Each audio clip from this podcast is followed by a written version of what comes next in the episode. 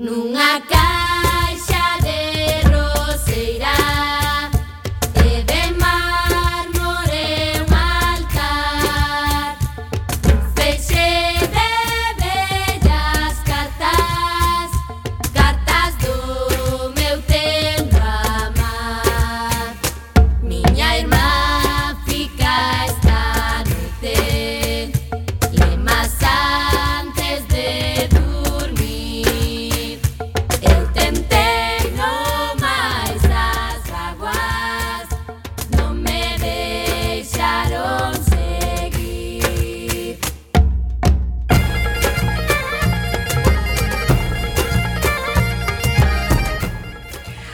que tal?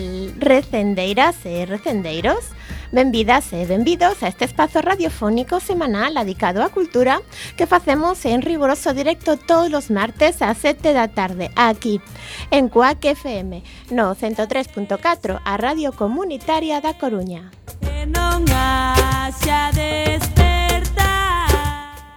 A Agrupación Cultural de Bóveda presenta este programa que podedes escoitar en directo a través de internet na página de emisora coacfm.org barra directo e tamén na aplicación móvil. E se non chegaches a tempo non tendes excusa, compañeiras e compañeiros. Podedes descargar todos os programas xa emitidos en Radioco, o mega podcast da nosa emisora, ou tamén podedes escoitalo na redifusión, que será os mércores ás 8 da mañá, os venres ás 18 horas e na madrugada do domingo ao luns ás 12 da noite. E a partir de agora, seguídenos nas redes sociais, tanto deste programa recendo como da propia agrupación cultural de Bóveda, que ten abertas as súas canles en Instagram, Twitter e Facebook ou na web www.acalexandrebóveda.gal.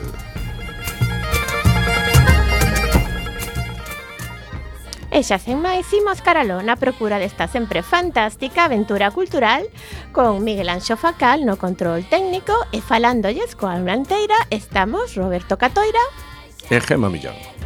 Será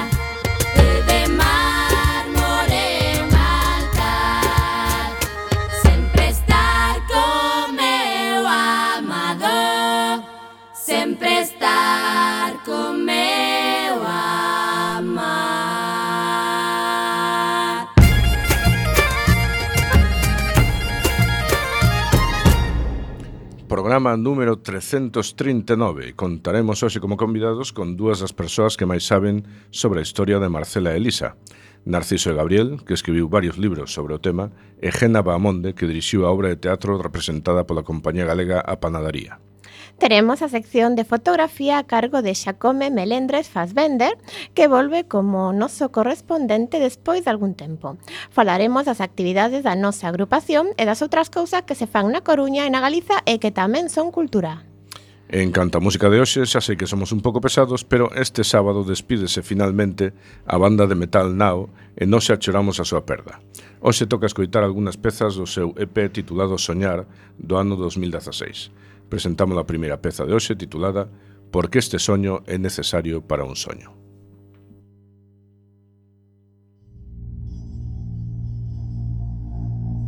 Porque este soño é necesario para un soño Cando un país se ergue para soñar Porque a esperanza alumiña as nosas almas Por iso estamos resoltos para loitar Camiñaremos coa forza que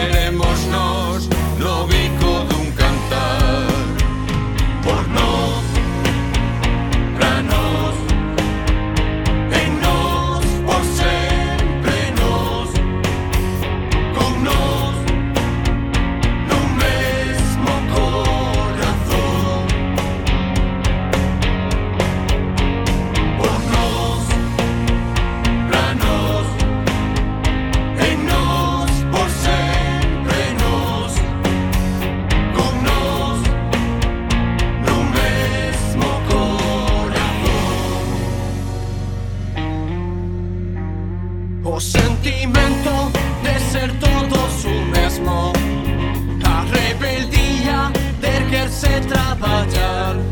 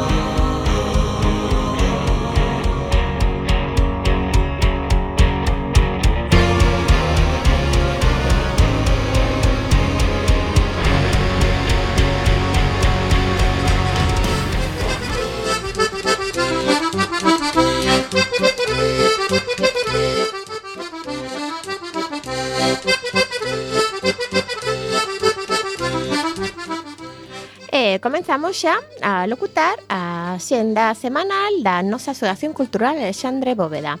O mércores 4 temos encontros coa videodanza. Nance coa vocación de abrir unha xanela ao público xeral cara ao xénero da biodanza. Neste primeiro encontro contaremos coa presencia de Ana Cedeño Valdellós, profesora da Universidade de Málaga, quen falará do xénero da biodanza dende os inicios da súa historia dunha conferencia titulada Videodanza como práctica videoartística.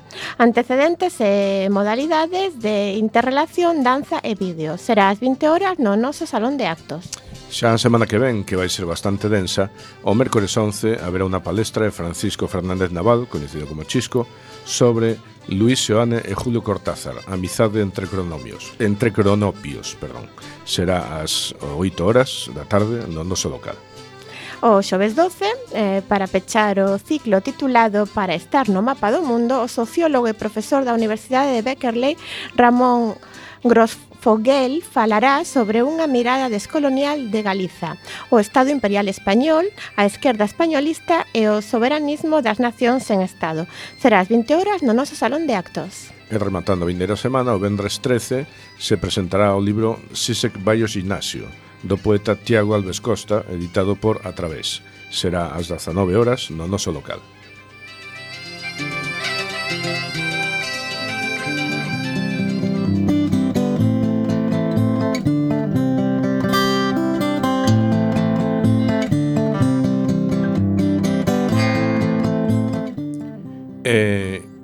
Iniciamos agora a xenda coruñesa. No eido audiovisual, eh, nesta extraña semana con varios festivos, o Cegai ofrece unha xoia que sempre apetece ver do mestre Hitchcock, Vertixe de entre os mortos. Poderedes vela o xove 5 ás 19 horas. Ollo que este horario pouco habitual nesta sala.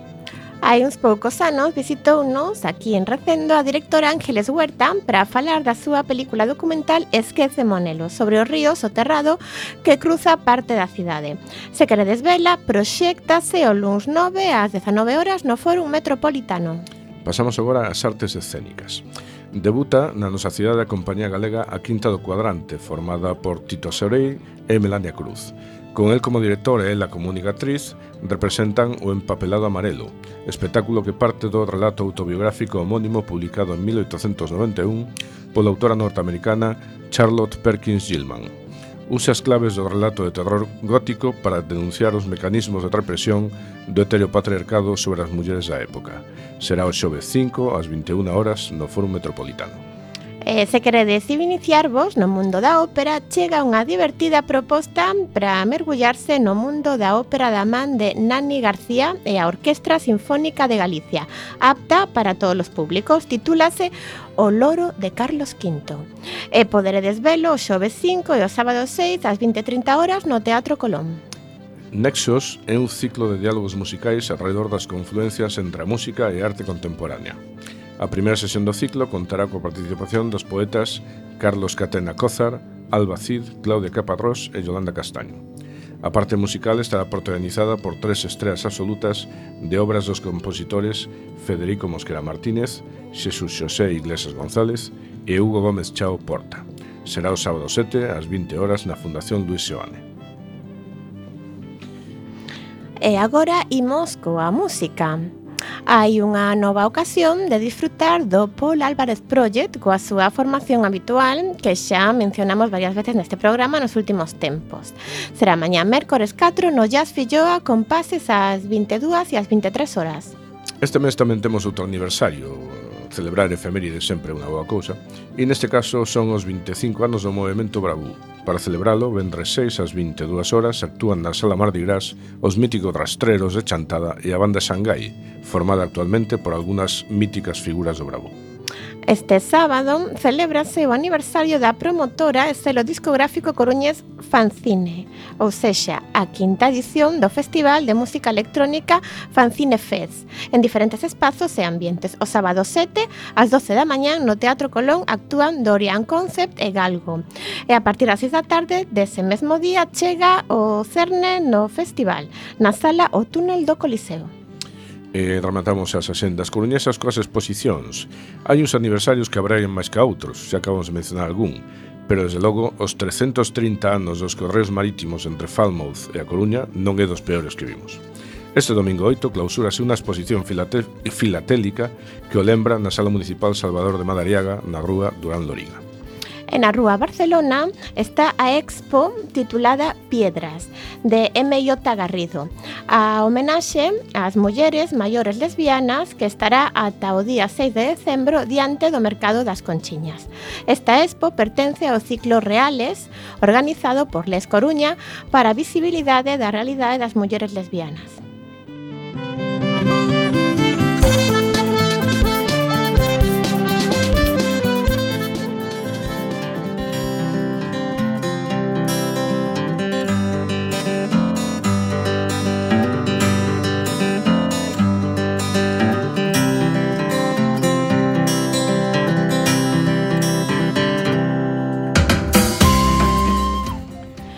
Imos agora coa Xenda Cultural da Galiza. Empezamos por Santiago, verdad, Catoira? Efectivamente. O músico Jorge Pardo ten feito de alcahuete entre o jazz e o flamenco. El visitaba Galiza en unha pirueta de casualidades producirse encontro no escenario e xurdiu a maxia.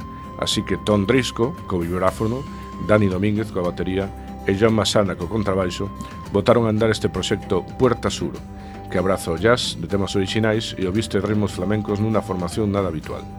Se ides a Borriquita de Belén, na rúa de San Paio de Antaltares 22, esta mesma noite ás 9:30 poderedes gozar co concerto. E agora pegamos un chimpo a Ourense, onde Zada Varas, co seu espectáculo Sombras, toma de novo o ceo confiando na súa danza, desde o inconfundible feitizo duns poucos pés trae unha nova coreografía, unha nova posta en escena máxica e única que segue agarrando o flamenco habitual para dar un paso máis e volver transportar o público a esa dimensión que son os sentimentos na superficie. Unha viaxe polo tempo, o silencio e o rebumbio, a luz e as sombras. Actúa no Auditorio Municipal o sábado 7 ás 21 horas. E saltamos agora a Vigo. Despois de dez tempadas na carteleira, a comedia Toc Toc chega cun éxito que radica en converter a risa, na, eh, a risa na terapia que necesitamos para ver a vida de outro xeito. Seis personaxes reúnense na habitación dun famoso psiquiatra. Todos sofren diferentes tipos de trastornos obsesivos compulsivos. Tendencia a dicir obscenidades, coprolalia, repetición sistemática de palabras ou frases, palilalia, necesidade patolóxica de contar obxetos, aritmomania, aritmomanía, perdón, medo extremo a enfermar, nosofobia, O sábado ás 8 e media e domingo ás 7 e media represéntase no Teatro A Fundación. Seguimos agora ata Pontevedra. Coco, recuérdame. El tributo ven sendo un concerto homenaxe a unha das películas máis entrañables dos últimos tempos. Poderase ver no escenario cantar e bailar a todos os personaxes da historia con caracterizacións e maquillaxes increíbles. A viaxe musical conta a historia de Miguel, un rapaz que soña con ser músico, pero a familia del négase a iso por un terrible incidente no pasado. Será a seis da tarde no sábado 7 e a cita será no Auditorio Sede a Fundación. Imos agora ata a cidade departamental de Ferrol. De todo o corazón pretende iniciar os máis pequenos como espectadores de teatro, prestando especial atención ás condicións nas que ten lugar a representación. Cando os nenos chegan á sala, a actriz e o violinista recíbenos e acompáñanos no camiño cara ao mundo máxico, acolléndoos co seu sorriso e a súa música. Entón a actriz caracterízase como un payaso diante dos nenos nun momento de gran delicadeza. E a partir dese momento comeza a aventura do teatro. O Centro Cultural Torrente Ballester acolle este espectáculo o sábado 7 ás 7. E imos agora a Lugo. Ata o día 8 pode visitarse a exposición de Rafael Úbeda co seu cromatismo expresivo de atributas, sucesións de formas, equilibrios e constorsións, plasmando as tensións que a propia vida nos ofrece. El está interesado no dinamismo, na procura de novas formas, no ritmo. En horario de 9 da mañá ata as 9 da noite está aberto o Museo Provincial entre semana, na Praza da Soidade. Tamén abre o sábado e o domingo cun horario máis restringido. E despois das grandes metrópolis galegas imos ás pequenas vilas e hoxe rematamos con Moaña. Zoelas está en concerto, centradas na muller e o rural galego. Música tradicional fusionada con outros estilos, o canto como berro. As componentes reivindican que no rural as mulleres están vivas, non esmorecidas, cos cabelos revoltos, co carro diante dos bois. Este sábado 7, a partir das 10 da noite, estarán no Bar con V de Moaña.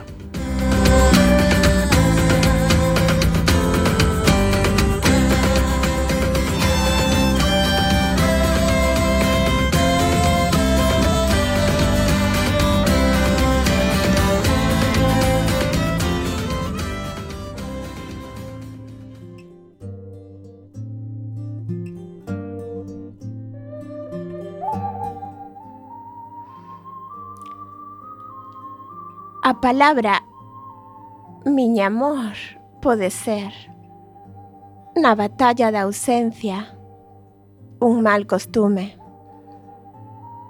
O poema querémolo vindicación, mas doe na gorxa ao pronuncialo. Ben sabes que adoito nacer nas beiras dos camiños no asfalto ou nos terreos abandonados como as túas silveiras, amor. E teñote na miña boca sempre, cuberta polas espiñas das fronteiras, follas pinadas ou solitarias, que xuran como froito un ansiado reencontro. Porén, cada ventre escuro que chegou, ás nosas linguas, desprendeu un noso mandado, acariñándose en medo. O noso delicioso amor. Amor certeza. Amor igual. Amor valente. Amor balea.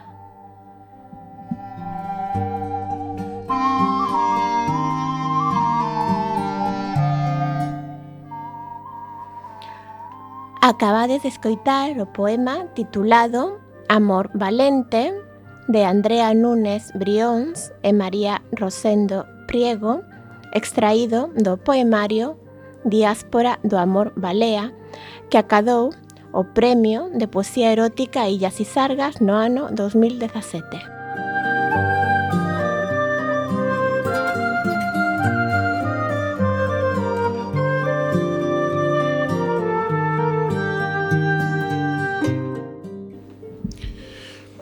Hoxe recuperamos para recendo unha das historias de amor que máis impacto causaron nos últimos anos na nosa cidade, por ser o escenario dun insólito matrimonio que xa moito deu que falar na súa época. Falamos da historia de Elisa e Marcela, dúas mestras que no 1901 casaron na igrexa de San Xurxo, sendo as primeiras mulleres as que temos constancia que, que, que casaron entre elas. Elisa adotou un aspecto masculino e o nome de Mario, co que logrou enganar ao párroco de San Xurxo, mas non puido facelo cos veciños de Dumbría que se acabaron denunciando ás autoridades. Elise e Marcela fuxiron a Portugal, onde tamén foron descubertas, pero conseguiron chegar ata Bos Aires. Iso sí, agora acompañadas dunha filla de Marcela. Na Argentina perdes, perdeselles un pouco a pista, sabemos que pasaron penurias económicas que trataron de solucionar cun casamento entre Marcela e un rico danés. Despois disto, moi pouco máis sabemos. O casamento de Elisa e Marcela cadou moitas portadas da época, pero a súa historia de amor quedou esquecida ata que o catedrático da Universidade da Coruña, don Narciso de Gabriel, dá cun recorte de prensa mentre revisaba os expedientes da normal, onde se formaron as dúas protagonistas. A partir de aquí, Narciso de Gabriel comeza unha investigación que recollen os libros Elisa e Marcela, alén dos homes, Elisa e Marcela, amigas e amantes. Este último publicado este mesmo ano. Do mesmo xeito, colaborou coa cineasta Isabel Coixet na elaboración do guión do filme Elisa e Marcela. Narciso de Gabriel acompáñanos hoxe, pero non está el só. Tamén temos connosco o placer de invitar a dona Genava Amonde, investigadora das cuestións de xénero vencelladas, as artes escénicas e a directora da obra de teatro Elisa e Marcela, que arrasou nos María Casares do ano pasado e que foi producida pola compañía Panadería en colaboración co Centro Dramático Galego. Grazas a Genava Amonde e a Narciso de Gabriel, afondaremos na loita mm, destas dúas pioneras. Moi boa tarde, Gena e Narciso. Moi boa tarde. Bueno, en primer lugar, grazas por vir esa recendo. Gracias a vos por convidarnos, non? Moitas grazas. Eh, empecemos o principio, que imos ambientar esta apasionada historia de amor. Xa sabemos un pouco de como Narciso recupera a Elisa e Marcela, pero, por exemplo, ti, Gena, como chega ao teu coñecemento esta historia? eh, chegou como por varias vías non? o primeiro, a verdade é que eu eh, fui máis polo colectivo Milomes que sabes que fixeran unha, unha exposición creo que un pouquiño antes de que Narciso o, publicara o seu libro, pero creo que xa estaba co, Narciso con, vamos, coas investigacións había moitos anos. E souno tamén por unha pequena nota biográfica que creo que saliu na revista eh, Andaina, na revista feminista Andaina. Souno máis ben por aí, pero e tamén, por suposto, polo libro de Narciso. Claro, en canto souben que había ese libro, xa merquei o libro. Sí. Eh, que foi o primeiro que pensaches deste insólito casamento? Nada, o primeiro que pensei é como non se sabe isto, como non se sabía, non? Chamou moitísima atención, non?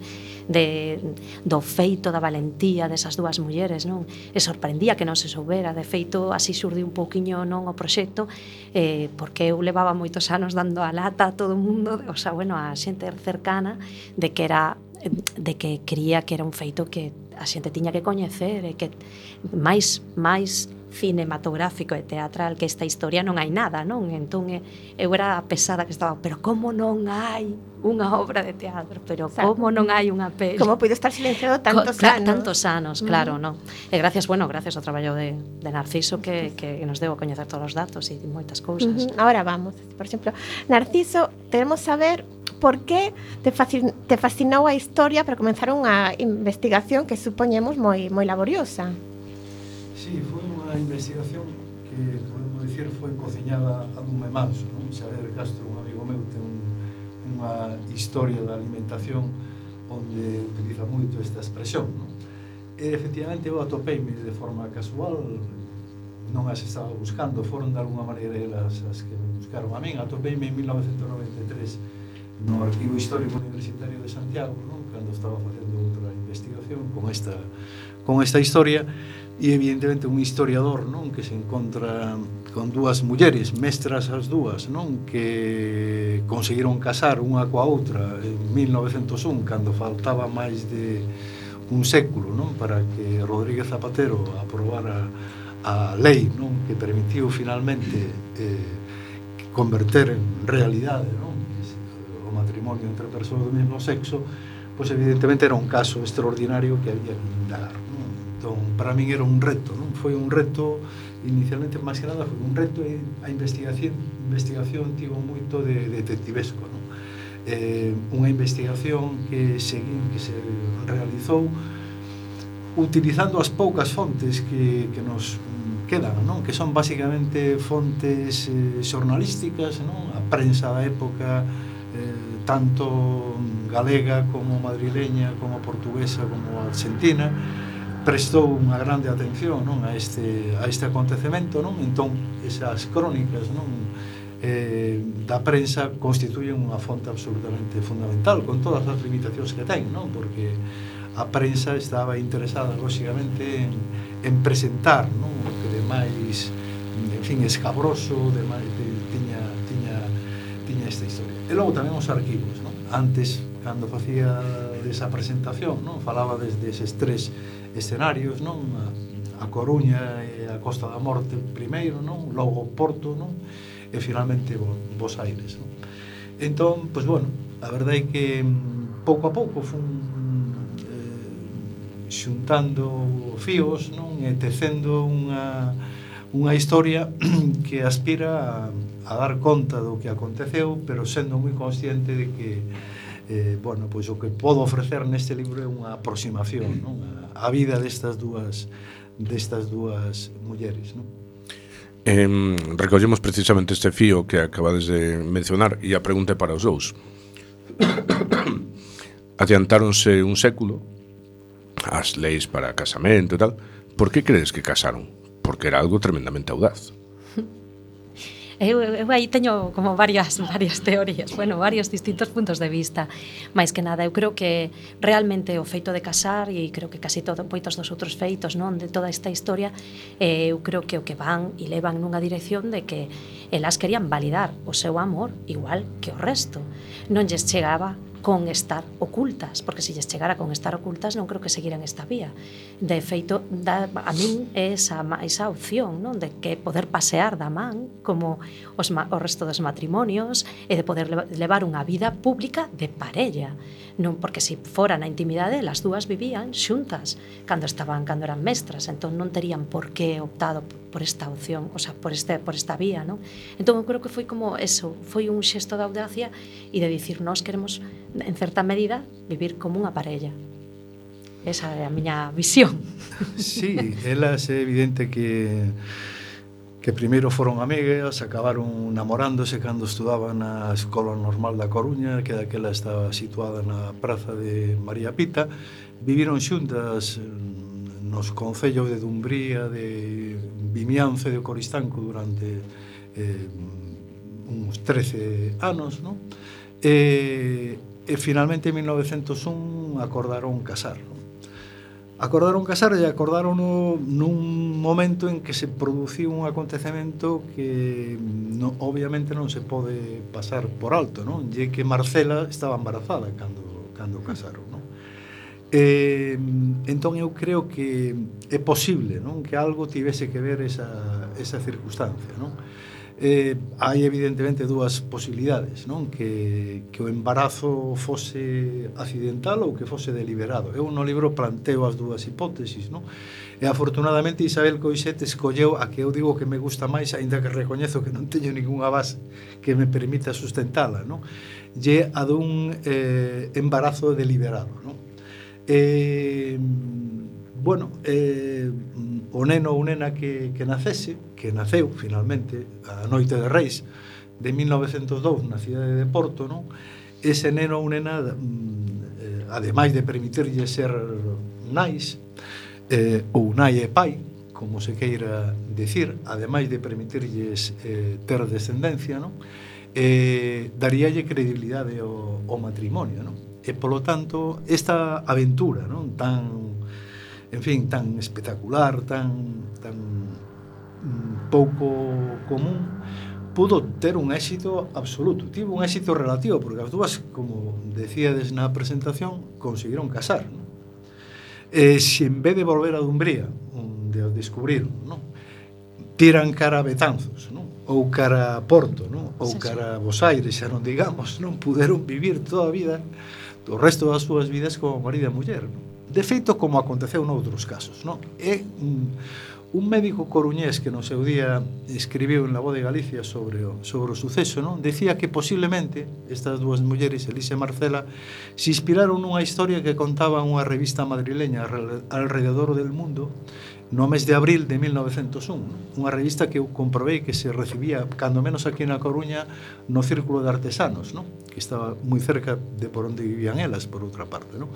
É moi posible, non? porque conta unha historia de, de un home, en fin, de dúas mulleres, unha delas convertida en home, que eh, es, eh, dos, dos que só se descubriu o engano post-morte, non? é dicir, cando morreu o, o que facía de, de home. Non?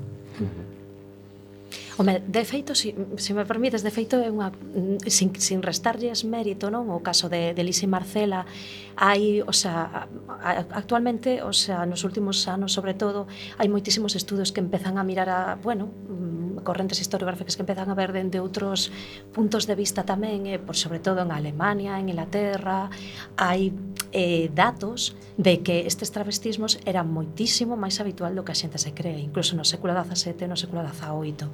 Hai, por exemplo, estudos eh, que fixen así como bastante investigación eh, nestes temas, non? Eh, é bastante máis habitual do que se cree.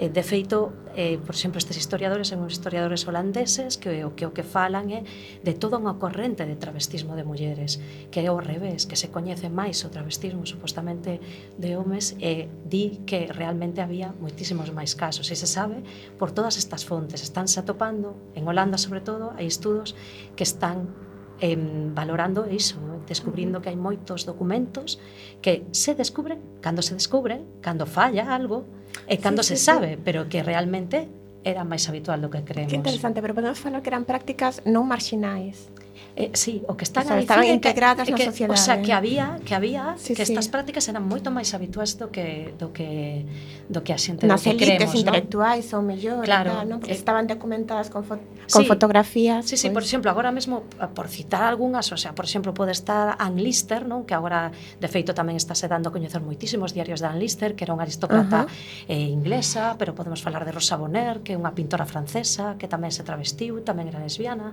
e que, o sea, que e estamos a falar de 1800, 1800 e pico, e aínda hai casos, sobre todo que nos fixeron un traballo bastante potente neste sentido, foi en Holanda, que eu coñeza, que non eh, o que nestes casos eh, fixeron todo como eso foron a todas as fontes de, das denuncias, os, os, os, todos os, os arquivos, un pouco que digo o traballo que fixo tamén Narciso, non? pero neste sentido máis en fontes judiciais, non? Eh, eh, descubriron que eran moitísimos os casos. Eh, estes eran os que se descubrían. Pois o sea, que sí que había por distintas razóns, que isto sería por distintas razóns, pero sí había algunhas que eran razóns de parella, o sea, que eran parellas de mulleres que unha se travestía de home. Pero acabarán en casamento tamén esos casos ou non? Non, eh, non, ah. eh, non claro, ah. por, o curioso deste non só é que acabara en casamento, senón que sigue vixente hoxe en día, uh -huh. que fora pola igrexa tamén, non? Sí. o sea, que sigue vixente hoxe en día. Pois a conversa é interesantísima, pero as leis da radio din que hai que facer algunhas pausas cando en vez e eh, poñer, poderíamos poñer a canción Venceremos nós de Nao, pero será un breve lapso porque temos ganas de volver outra vez.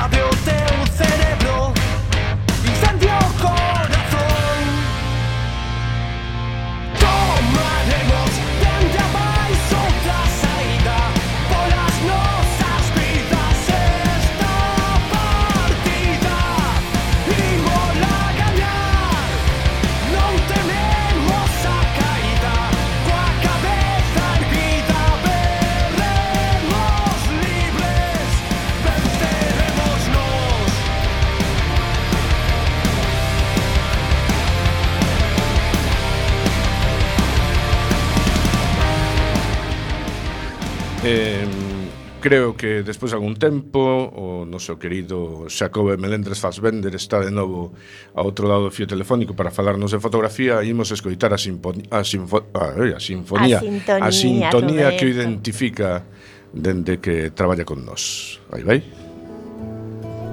Seis. Que as súas tempestades se saben. Nesta terra que fai testamento que acollos lamentos Eh, hola, Xacobe. Boas tardes, moito tempo sin asomarme a esta ventana de rependo. Pero sempre volves a casa por polo Nadal. que, que nos queres contar hoxe na túa sección de fotografía? Bueno, eh, non sei onde o deixamos, pero retomando as columnas radiofónicas sobre a actualidade artística, agora me centrarei aínda máis no que é a fotografía. E comezamos xa co fotógrafo Joan Piñón Prado. Joan Piñón presenta unha exposición fotográfica no quiosco Afonso que percorre 35 anos nada máis e nada menos do seu traballo máis personal, o feito entre 1977 e 2012. Son 138, 139 realmente imaxes organizadas en nove series.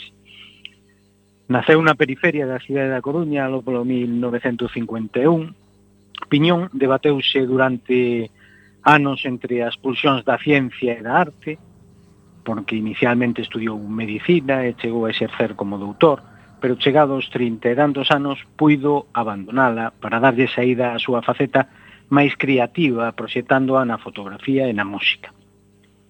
Pero imos centrarnos na fotografía, na que Piñón é autodidacta. Orientou o seu traballo profesional cara a publicidade, a moda, a reproducción de arte, foto fixa para películas, portadas de discos, etc. O retrato é unha das facetas nas que máis gosta de recrearse. Non? Montou un dos estudios fotográficos máis, máis prestixiosos e, en Coruña e máis prestixiosos de toda Galicia e goza dun reconocemento no entorno coruñés que quedou ben patente outro día, día 7, o día da inauguración, unha inauguración que podemos calificar de multitudinaria. Pero non é Piñón un fotógrafo que se teña prodigado en exposicións, salvo nos primeiros anos. Últimamente pouco máis que algunhas colectivas nas que participou con outros fotógrafos. Así é todo, as amadoras de, da fotografía coñecerán a maioría das series que presenta até o vindeiro día 11 de xaneiro no quiosco Afonso da Coruña. Son extractos de coleccións como Cámara Barroca, Dez outonos no Courel, Iluminadas ou Espirais adicada a profundizar no, no mundo feminino, Galicia Terraná e Serie Mítica, A Horta de Carnati, Avantcraft, un repaso, como decía, a casi 35 anos da súa fotografía persoal, pero non a máis recente, pois non presenta apenas traballos dos últimos dez anos. El di que por falta de tempo ou de espacio O certo é que ficamos con ganas desa nova posta ao día. As persoas que descoñezan a súa opinión poderán ser sorprendidas por un traballo minucioso, pola calidez e saturación das atmósferas das súas imaxes do outono, as miradas fondas dos seus retratos, a cor extraída das arquitecturas en pedra, o compromiso coa creación contemporánea ou o seu achegamento á abstracción nos macros de plató intensamente iluminados na horta de Carnati.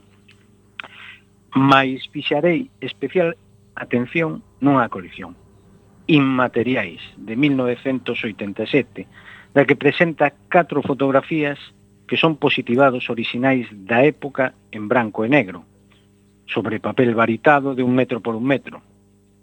A serie foi realizada en colaboración co pintor Juan Martínez de la Colina, Descoñecía eu esta inquedante serie que xa fora presentada no ano 88 no mesmo quiosco Alfonso, nunha colectiva denominada Pintores e Fotógrafos, e posteriormente na Fotobienal de Vigo, da que daría para outro programa, pero foi cofundador e inicialmente iba a ser un ano en Vigo e outro na Coruña. A proposta parte do que se deu en chamar nos 80 fotografía dirixida é dicir, escenas preparadas e conducidas polo artista e que despois fotografaba. Ao sair definitivamente do cuarto escuro de revelado e ampliado, donde traballaba o fotógrafo, era o turno do, do pintor que as interviña xa directamente sobre a ampliación. Esta serie, 32 anos despois, admite relecturas moi interesantes e moi de actualidade, sobre a adolescencia, eh, sexualidade, relacións perigosas, por exemplo. Hai máis. Recomendo que vos acheguedes, non renunciedes a contaminarvos das súas imaxes, recuperade o prazer de visitar boas exposicións. Repasamos os datos da exposición. Fotógrafo, autor, Xoan Piñón. No quiosco, Afonso, da Coruña estará patente até 11 de xaneiro de 2020. Fantástico, Xacobe. Grazas por traernos de novo a um, Xoan Piñón, que nos visitou aquí uns anos co seu grupo DOA. Eh, así que sempre está de actualidade, sempre unha figura da cultura galega que sí, eh, sempre amosa o seu traballo, amosa o seu traballo moitas facetas diferentes. Sí. O traballo patrimonial de tanto da música, música antiga, especialmente, música medieval. E, e a imaxe. Perfecto, moi ben, gracias, Xacobes. Esperamos te dentro de algún tempo, de novo por aquí. Unha aperta. Unha aperta, Xacobes. Bueno, nos seguimos aquí en esta interesantísima conversa con Gena e con Narciso sobre Lisa e Marcela e a súa rocambolesca, pero tamén preciosa historia de, de amor. Imos avanzar un pouquiño nesta, nesta historia. Entón escapan ata Portugal, onde descobren, chamémoslle, a fraude, non? por así dicilo. E son xulgadas e absoltas. Eh, sorprendentemente, houve un movimento de protesta que provocou que foran liberadas. E, bueno, isto nos parece como moi adiantado para, para a súa época. Se podes comentar un pouco desto? Porque, en principio, outra cousa, o Parco de San Xurxo non se decatou absolutamente de nada, non? Non sospeitou nunca nada. Non, parece que non. É dicir, o párroco de San Xurxo estaba moi preocupado pola difusión do protestantismo en, en Galicia e, e concretamente na cidade da Coruña e mm, Elisa, convertida en Mario, eh, buscou o argumento que máis podía favorecelo, non? Porque se presentou a a, a Cortiella, que así se chamaba o párroco, como fillo de protestantes, non? Que vivira en Londres unha boa parte da súa vida e que quería abrazar o catolicismo, non? E, entón, bueno, ese era o primeiro paso e fundamental. Habría que adoptar unha identidade masculina que era a única forma de, de casar de casar con, con Marcela. Había que travestirse, en definitiva, non? que como comentaba antes Gena, é unha práctica bueno, pois menos rara do que pensamos, non? É dicir, as, sobre todo nas mulleres, non? É curioso como o distinto significado que ten o travestismo para mulleres e para homes, non? As mulleres travestironse históricamente por razóns fundamentalmente eh, sociais, é dicir, para facer todo aquilo que lles estaba prohibido, e era moitísimo o que lles estaba prohibido, desde ir a Sega a Castela, por exemplo, aquí en Galicia foi común durante moito tempo, non? que ah, os labregos complementaran o que gañaban coas súas vacas e as súas eh, leiras, non? Indo durante 15 días, un mes eh, a Castela, non? A, a facer labores de sega, non? Uh -huh. E nun determinado momento a igrexa proibiu as mulleres. Eh, Lembramos eh, o poema de Rosalía, de incluso, non? Sí. Eh, e efectivamente houve mulleres aquí en Galicia que se travestiron para poder formar parte Entón, eh, bueno, aquí o travestismo foi, no caso de Elisa Marcelo, un éxito total que, en fin, finalmente só non prosperou debido, en fin, ao exceso de confianza das, das dúas das dúas mulleres, non? En Portugal, bueno, pois en Portugal eh, houve efectivamente unha, un movimento de solidaridade con, con elas. Elas foron metidas no, no cárcere e mm, a poboación portuguesa acabou apiadándose de, delas, non? E elas mesmas tamén transmitiron a mensaxe que máis as podía favorecer, non? Presentándose como dúas mulleres que non eran conscientes do alcance do feito que acababan de realizar e estableceuse aí un pacto implícito cos xornalistas, non? Elas en principio pediron á prensa que non promenorizase, non? no su, na súa historia. Pero visto que iba, ia pormenorizar de todas todas, non? pois pedironlles que transmitisen esa imaxe, esa imaxe dela. Non? E, bueno, aquí en Galicia eh, a xente quedouse coas ganas non? De, de velas, non? Eh, pero, bueno, tamén había xente que, que, que se solidarizaba con elas, non? A través de algunha carta ou o director, da Voz de Galicia, que foi quen máis informou sobre, sobre o caso. Eh, e, e tamén se non estou errada, non Narciso, o que pasaba tamén un pouco en Portugal tamén era que tiñan como dificultade a hora de acusalas, porque os delitos eran como bastante non sabían moi ben de que se acusaban, non había unha orden de extradición con España, pero non se sabía moi ben de que as acusaban. Non, mm. e de mm. feito ti comentas varios dos escritos entre non os suiz e tal que, que como pero aclárenme que queren, que fixeron de mal estas dúas mulleres, non? Como que que era tan grave, non? Mm. O sea que había un pouco como que eh, que que que cousas supoñan delito das que fixeran, non? Que accións tan terribles, non? Sí, un pouco... en Portugal basicamente acusaron acusaron a, a Elisa de falsificación da, do documento, de documento de identidade, non? Ele efectivamente eh, falsificou un, un documento, non? E, e esa era a acusación principal, non? En España, pois, baralláronse o xuiz coruñés, non? Que era o pai do futuro político, José Calvo Sotelo, Pedro Calvo e Camina, non? Estaba realmente obsesionado por facerse con elas, non? E dirixiu hasta tres exhortos, non? A Portugal pedindo que as extraditaran, non? Por eso elas tiveron que fuxir a, a, a Bos Aires, non? E acusábanas de distintos delitos, non? Entre eles o de escándalo público, non? Porque o escándalo público era o artigo do Código Penal ao que se recorría para castigar a homosexualidade, que carecía dunha pena específica en España, non? O Código Civil, o Código Penal español eh, inicialmente non, as, non, non incluía este delito, entón cando se quería castigar a, as persoas homosexuais recorríase o, o escándalo público, non? E en Portugal, bueno, pois pues, efectivamente a, a prensa fixe unha cobertura mm, cando menos tan espectacular como a que se fixera aquí en, aquí en, en España. ¿no? Eh, onde menos mm, repercusión tivo a historia, onde menos seguimento fixo a prensa de historia foi en, en Bos Aires. ¿no? Eh, e de feito, curiosamente, a prensa galega de, de Bos Aires, el Eco de Galicia, por exemplo, ¿no? eh, eh, afirmaba que era necesario mm, eh, informar o menos posible non? sobre este tipo de feitos porque podían danar a imaxe que había da colonia galega non? as mulleres as galegas que emigraron a Argentina que cada vez foron máis, sobre todo no século XX a principios do século XX, traballaban case todas no servizo doméstico non? e, e tamén se decía que acababan algunhas delas no mundo da prostitución entón había ese estereotipo non da, da, da, da servienta galega eh, que acababa prostituída e se en, por enriba se eh, sumaba o ingrediente da, do lesbianismo, pois, mm, en fin, entendían que podía non ser moi oportuno para a imaxe da, da colonia galega, non? Ben, chegamos, eh, estamos nos chegando ao final do programa, pero aínda hai cousas moi interesantes que decir. E chegamos ao momento da polémica ou controversia cultural e intelectual. Eh, esta historia dá moito de sí. Narciso investigou sobre ela, escribiu un libro, Gena dirixiu unha obra de teatro. Libros.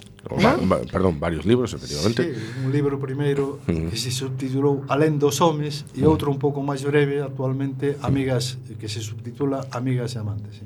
Eh, Gena dirixiu unha obra de teatro da compañía Panadería e eh, seguramente esta historia ganou celebridade ainda máis nos últimos tempos porque unha famosa directora de cine, Isabel Coixet, pois dirixiu unha película que está tendo unha certa repercusión. Claro, cada un destos creadores tivo a súa perspectiva sobre a historia, obviamente, e aplicou o seu propio filtro, non? Eh, mm, gustaría non saber se viste esa película de Isabel Coixet, que opinades e cales foron as diferencias de perspectiva que atopastes entre a vosa obra e, e o que e o que ela decidiu salientar? Eh, nos, en principio, a verdade é que, que claro, eh, baseámonos moito eso, fixemos primeiro todo un, un traballo de investigación, non? De, sobre todo tamén do, de todo o traballo que fixera Narciso, non? De, pero tamén que tivera que ver, non? Eso, con, con contextos das, da época, pero o nosa, a nosa principal, digamos, punto de vista e o que queríamos era eh, ref, eh, o sea, eso, rescatar ese tipo de historias que para non é como pertencen a unha serie que, bueno, eu lle chamo xenealoxías dislocadas publicadas, non? E son estas historias que poñen en cuestión a historia oficial, non? A historia que se conta, e era a historia dunhas lesbianas que case sempre mm, eh, son historias bastante silenciadas, entón nos queríamos poñer iso poñelo, digamos que, que como elemento principal, non? E non es, e en parte por ser a panadaría, que ten ese eh, o humor como elemento primordial, e tamén un pouco, por exemplo, porque que acaba de contar Narciso, non? Vale, pois se non se sabe o final da historia, non vayamos a que un drama, non? Porque principalmente as historias que se sempre de lesbianas están contadas dende un punto de vista superdramático, non? Entón nos quixemos darlle como esa visión un pouco tamén de cores, o sea, vivimos nun mundo de grises, non? De grises, de azuis, de verdes, de, de cores e de moitos matices, non? Entón queríamos darlle luz, que non fora unha historia como, como moi gris. Nese aspecto creo que todas as historias, o sea, tanto a película de Coiset como todo o que se faga con esta historia creo que é pouco, porque nós, de feito, tivemos que deixar moitísimas cousas fora, porque nada que nos poñamos a ensayar un pouco, a improvisar, é que se nos volvía todo como a, a historia está chea de mo, montones de peripecias que creo que son que se poden levar. Entón, para min todo que se faga, película de Coiset, por favor, unha serie, o que sexa, todo é benvido, porque todas, e ademais, para min, todas as historias teñen que ter moitos puntos de vista, moitas perspectivas. Sí, a, efectivamente a panadería fixo unha adaptación, non? Axustada tamén, non? O perfil do, do propio grupo, non? Que dá conta de eh, distintos momentos, evidentemente non podía non se podía intentar reconstruir na súa totalidade a historia, pero si sí seleccionar, non? Eh, momentos significativos, non, desa desa historia, e, e creo que é unha lectura é unha lectura interesante. A de Isabel Coixet eh, Tamén eh, a, eh, Isabel Goixeta hai que re, agradecerlle eh, entre outras cousas o esforzo que fixo para producir esta película que non foi nada doado conseguilo, non? De feito, eh, o primeiro guión da película leuse en Cannes, en Porriño, no, no ano 2011, non? Estaba presente Antón Reixa, que naquele momento era o, o, o promotor, o produtor da, da película, Isabel Coixete, e eu tamén estaba tamén estaba con eles, non? Pero non, simplemente veo a, a crise, non houbo, non houbo, non houbo financiamento para a película. Eh, Isabel Coixet petou a moitas portas, non? E, e, e só conseguiu finalmente que Netflix lle, lle producise a película, non? Ela desde o momento en que en que mm, en fin, que leo o libro, non? Prometeuse facer unha película e eu agradezoulle sobre todo esa, esa constancia que tivo para, para conseguilo, non?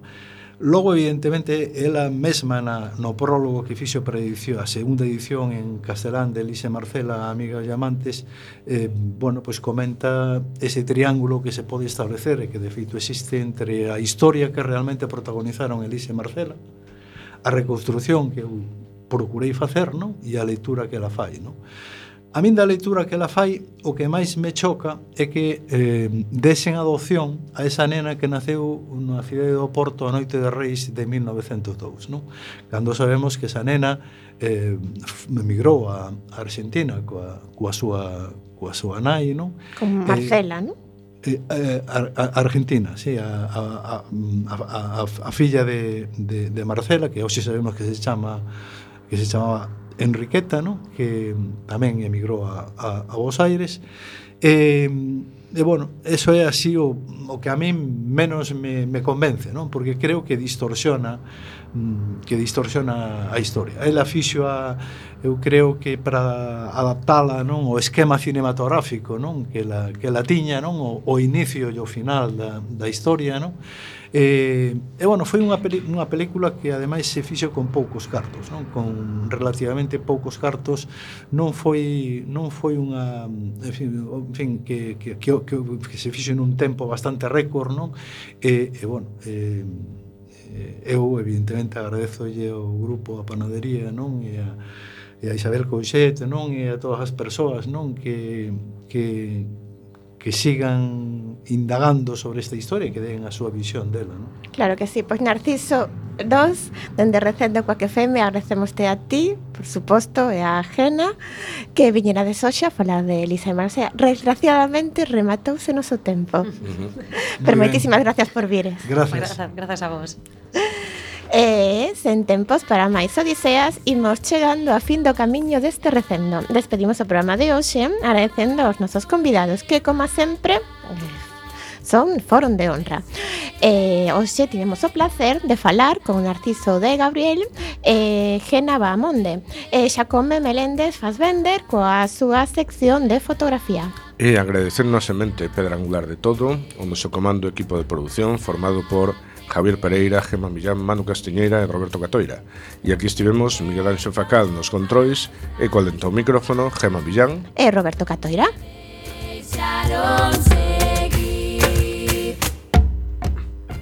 acompañándote neste recendo de palabras e de imaxes radiofónicas que nos traen este aroma cantado na nosa lingua e que nos permite hoxe e tamén no futuro a permanencia da palabra, da música e da implicación e o compromiso coa nosa nación, a Galicia.